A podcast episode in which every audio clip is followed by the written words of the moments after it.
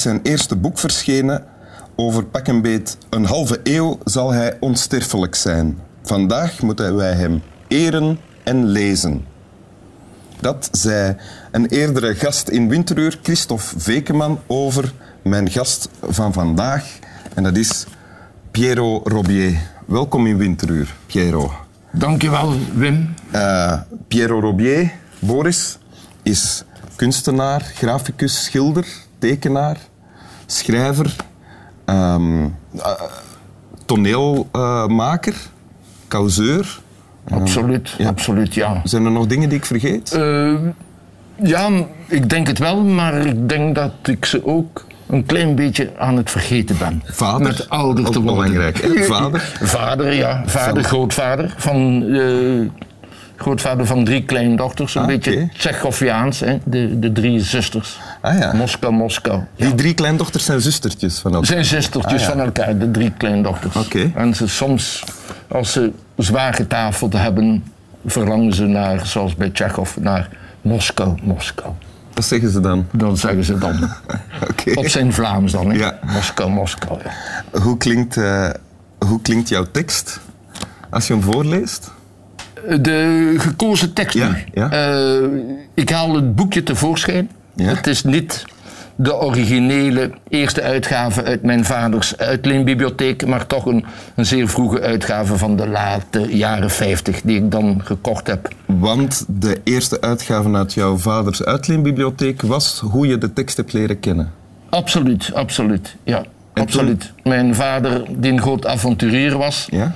voor het aangezicht des heren, was onder meer uh, uh, tramconducteur, crème grasmaker, maar ook de houder van een uitleenbibliotheekje met welgeteld 267 boekwerkjes daarin. En dat was een boekje dat uh, ook tot zijn uitleenbibliotheek uh, behoorde. Had je dan zelf ook een, een, een, was dat dan met een kaart en stempeltjes? Die, uh... Dat was met kaart en stempeltjes ja. en dat was een wijkbibliotheekje in de alombekende Middelstraat te Gent. Okay. Het was een, eh, een arbeidersbuurt. En daar had mijn vader dus in de late jaren uh, 40 een uitleenbibliotheekje. En daarin onder andere heb ik uh, dat als heel jong baasje, dit boekwerkje van Louis Paul Boon, ah, ja. mijn kleine oorlog leren kennen. Mocht jij gewoon boeken nemen of moest je ook op de kaart? Nee, nee, nee, nee, ik mocht daar uh, gewoon in grossieren, zoals mijn goede vader zei. Want hij was van het standpunt: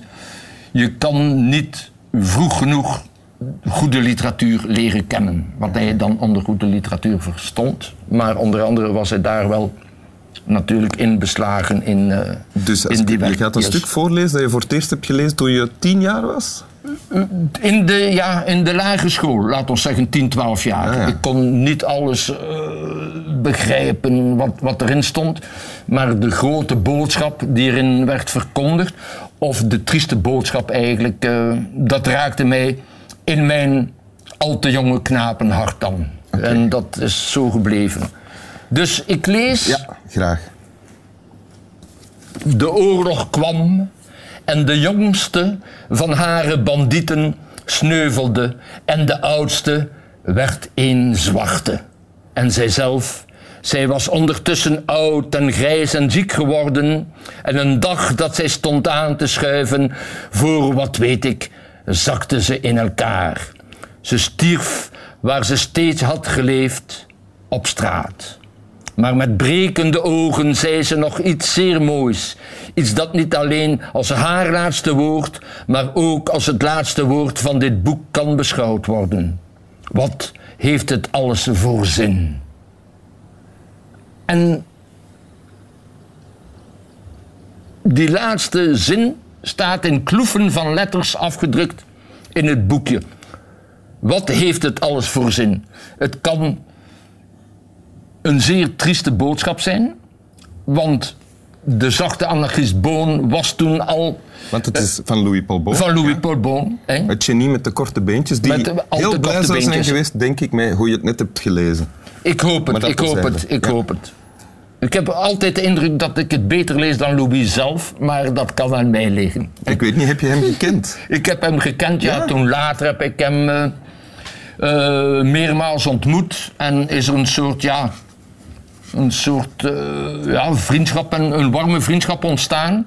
Wij zagen elkander niet alle dagen.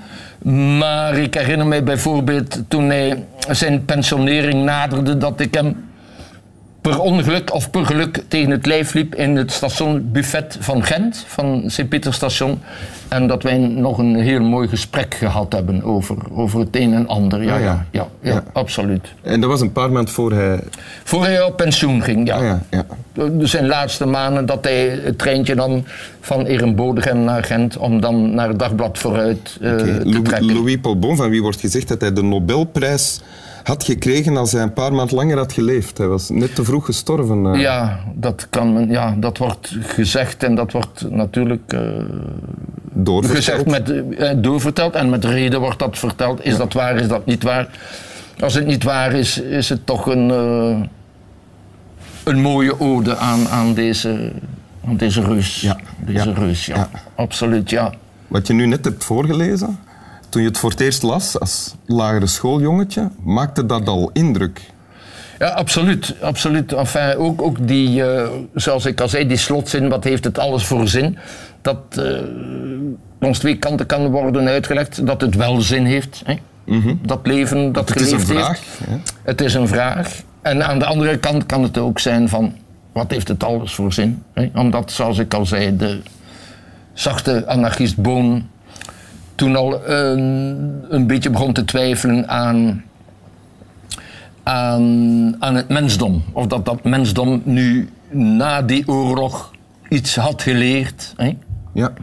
of niet. Ja. En hij twijfelde daar zeer sterk aan. Is die het, in wat heeft het alles voor zin? Ja. Gaat dat over het leven of over de oorlog? Wat denk je? Het gaat over beide, denk ik. Heeft die oorlog en tussen aanhalingstekens de overwinning der goeden, heeft dat wel eh, zin gehad? Is de wereld er nu beter aan toe? Gaat de wereld, onze krakende planeet, een mooiere toekomst tegemoet of niet? En heeft dat bestaan daarin, heeft dat bestaan daarin, heeft dat lijden, wat, want het zijn allemaal sukkelaars. Het is geen, geen eh, roman waarin er eh, een, eh, een aantal hoofdpersonages zijn en een aantal antagonisten. verschillende gewone Verschillende gewone dompelaars komen Ja. aan het woord. Onder andere zij, hè, Ja. die de slotzin zegt, komt er aan het woord. Heeft het allemaal zin gehad om dat lijden te hebben doorstaan? Ja. En gaan we een, gaat dat bestaan van iedereen, van iedereen, gaat dat bestaan van iedereen nu beter worden en brillanter en met minder... eh, Zo'n zo'n slotzin die je kan lezen als heel erg illusieloos en, en triestig. absoluut. Wat voor effect had dat op jou als je dat dan toen las? Was je daar...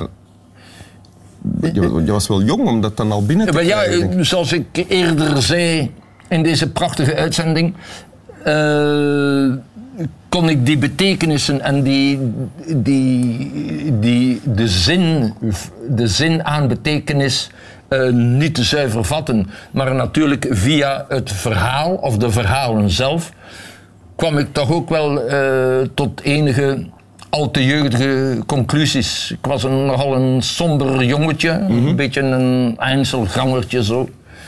En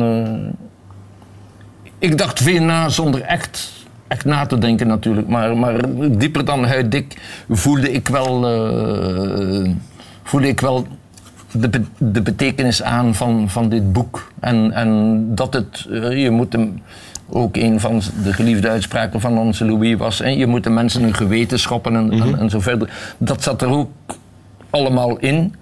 En dat, dat boekje heeft mij altijd, het is ook een van de weinige boeken, er zijn nog, die ik met regelmaat en met graagte teruglees in verloren uren. Want als je het dan nu terugleest, heeft het dan een, een gelijkaardig effect of lees je het nu anders dan 50 jaar geleden? Ik denk dat het een gelijkaardig effect heeft. Een gelijkaardig effect. Natuurlijk, eh, eh, veel, eh, veel van de dingen die ik hierbij ervaar gaan, gaan, gaan wel, wel dieper, nog, nog veel dieper. En, en, en, maar eh, de, de bron tot nadenken en, en, en, en de mens niet zo echt hoog op hebben, hebben dat is van uit, een, ja, uit eenzelfde kroes komt dat wel, ja. Ja. Oké, Dat wil je, wil je het nog eens voorlezen? Ik wil dat zeer graag doen en zelfs tot Hoera. vervelens toe. Oké. Al minstens één keer dan. Ja, ja, Ja. De oorlog kwam en de jongste van hare bandieten sneuvelde en de oudste werd een zwarte. En zijzelf, zij was ondertussen oud en grijs en ziek geworden. En een dag dat zij stond aan te schuiven, voor wat weet ik, zakte ze in elkaar. Ze stierf waar ze steeds had geleefd, op straat. Maar met brekende ogen zei ze nog iets zeer moois. Iets dat niet alleen als haar laatste woord, maar ook als het laatste woord van dit boek kan beschouwd worden. Wat heeft het alles voor zin?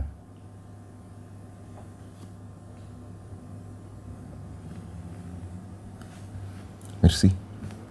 Graag gedaan. Slap wel.